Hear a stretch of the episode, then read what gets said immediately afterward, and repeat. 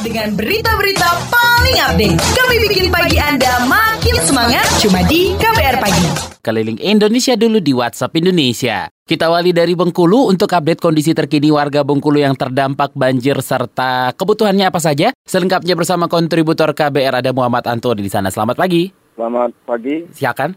Hingga hari keempat pasca terjadinya bencana banjir dan longsor di sembilan kabupaten dan kota di Provinsi Bengkulu, para pengungsi masih membutuhkan bantuan baik makanan, pakaian, selimut, perlengkapan bayi, obat-obatan, dan juga yang paling penting kebutuhan air bersih. Di kota Bengkulu saja terdapat 8 kelurahan yang terdampak paling parah. Hingga saat ini terdapat 8 posko pengungsian yang sudah tersebar di 8 wilayah tersebut. Sebagian pengungsi ini di wilayah kota Bengkulu sudah mulai meninggalkan posko pengungsian dan kembali ke rumah masing-masing karena banjir sudah berangsur surut sejak Minggu 28 April kemarin pantauan di posko pengungsian di Kelurahan Sawalebar, sebagian warga mulai kembali ke rumah masing-masing dan mulai membersihkan rumah yang terkena dampak banjir. Namun hingga sekarang warga masih membutuhkan air bersih karena belum pulihnya saluran air bersih milik pemerintah dan sumur milik warga yang masih kotor karena endapan lumpur pasca banjir.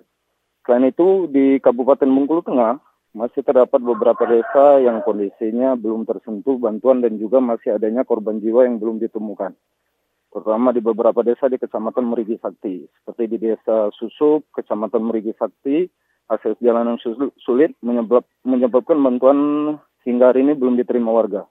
Desa-desa yang ter terisolir ini sangat membutuhkan air bersih. Dan dipercepatnya pembukaan akses jalan. Demikian dari Provinsi Bengkulu, Muhammad Antoni melaporkan untuk KBR. Terima kasih Muhammad Antoni langsung melaporkan dari Bengkulu. Selanjutnya kita ke Banyuwangi. Dinas Pertanian Banyuwangi Jawa Timur meminta kepada masyarakat untuk mewaspadai peredaran daging oplosan menjelang bulan Ramadan.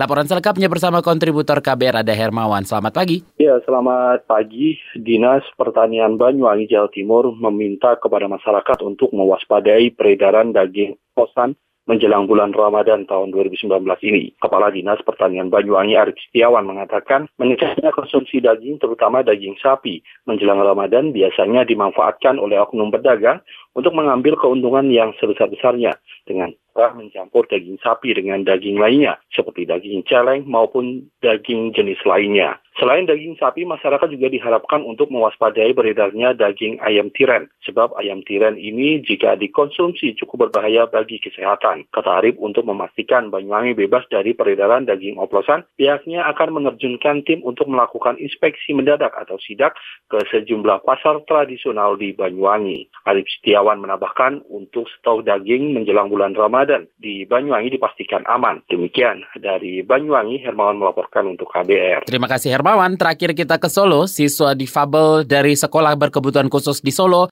dan sekitarnya ikut perayaan Hari Tari Dunia 2019 di kampus ISI Solo. Laporan selengkapnya bersama kontributor KBR ada Yuda Satriawan. Selamat pagi.